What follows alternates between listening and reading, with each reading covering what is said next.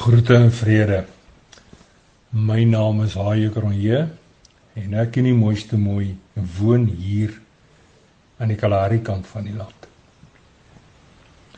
Die laaste gedeelte van Matteus 25 se 21ste versie, dis nou in die Nuwe Lewende Vertaling sê: In die klein het jy jou betroubaar bewys. Daarom gaan ek nog baie groter verantwoordelikhede aan jou toevertrou kom vier saam met my fees. My deeltjie. Toertyd vir my in die mooiste mooi beteken en dat ons die voorreg het om iewers in die voorwêreld te kan gaan stories vertel van Vader se volpens voorsiening en uitgestrekte genade. Gewoonlik is ons na 'n dag op die pad redelik moeg, want Noonipit en die Kalahari lê mos dan ver wyd in Gabriel se terugkykspoeltjie. Wel op so 'n toer en amper na 'n hele dag se ry, forceer die rooi lig van 'n verkeerslig my om te stop. Plus getrou doen ek so en skaars het Gabriel tot stilstand gekom. Toe moet ek gaan met leë hande, moet ek so my Heer ontmoet in ons ore weer klink. Terselfdertyd loop 'n bondel van so 5 of 6 manne reg voor ons verby met hulle oë wat vasgenaal is op die grond. En dis nou so 'n paar tree voor hulle voete. Daar is spreekwoordelike kalari vol stilte tussen hulle.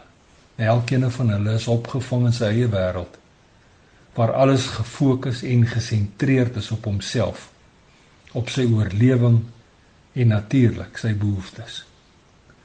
Voorwaar lyk dit asof niks enigsins saak maak of sin maak nie. Ons dag was reeds lank en moeisaam en steeds wag daar nog heelwat kilometers se teerpad tussen hierdie verkeerslig en die plek waar ons vanaand moet gaan oorstaan. Ongeduldig bekyk ek die omgewing terwyl ek saggies saamsing. My oog vang 'n laerskool se kennisgewingbord wat so entjie van die verkeerslig af staan. In groot vet swart letters skreeu dit ten hemele. Sou die wêreld 'n beter plek gewees het as jy jou volle deel gedoen het. Net dit. Niks meer nie en niks minder nie. Die vraag op die kennisgewingbord gryp dadelik my dink vas. Onwillekeurig wonder ek oor Ragab. Dis nou daardie Ragab wat Jerigo se prostituut was. Hoe sou die wêreld gelyk het as almal so sy gedinke gedoen het? Sou die wêreld 'n beter plek gewees het?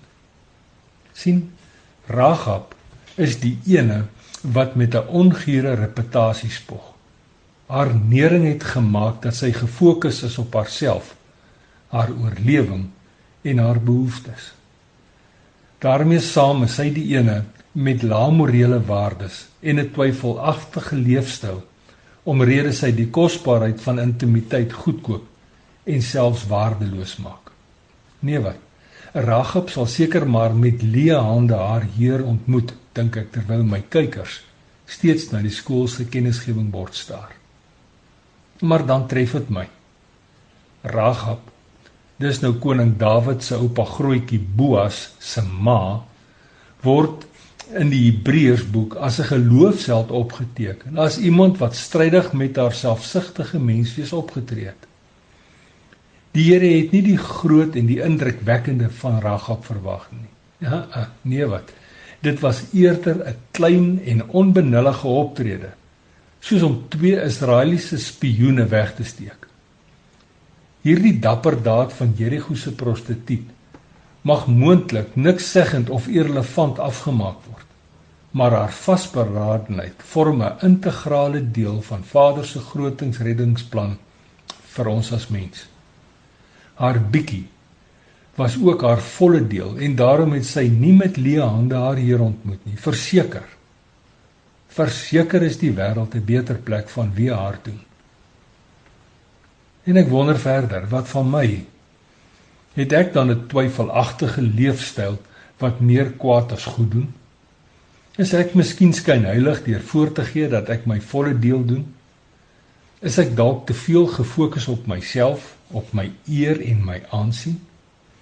Konsentreer ek dalk daarop om net betrokke te wees by daardie groot godsdinge waaroor mense opgewonde mag raak. Rahab se geloof beduie egter die teendeel.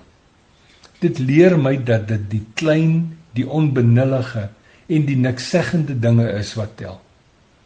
Iets soos daardie onverwagte vriendelik en opregte glimlag vir iemand wat mistroostig lyk. Of dalk 'n stukkie brood met botter en stroop en 'n warm beker soet koffie vir 'n honger mens. Dalk selfs jou laaste blou buffel in jou beursie om dit vir iemand te gee wat dit meer nodig het as jy. Of dalk om net jou naaste hartsmense opreg te vertel hoe lief jy hulle het. Die wêreld sal verseker 'n beter plek wees as ek en jy net ons volle deel doen. Niks meer nie en niks minder nie. Selfs al beteken dit dat my deel iets kleins en onbenullig is. Jesus het sy volle deel gedoen. Ragap ook en so ook vele ander. Kom ons doen ons deel. Jy joune, ek myne. Niks meer nie en niks minder nie. Dan sal ons hande nie leeg wees as ons die Here ontmoet nie. Nou ja toe. En tot 'n volgende keer. Mooi loop en sandkorrel by seëninge.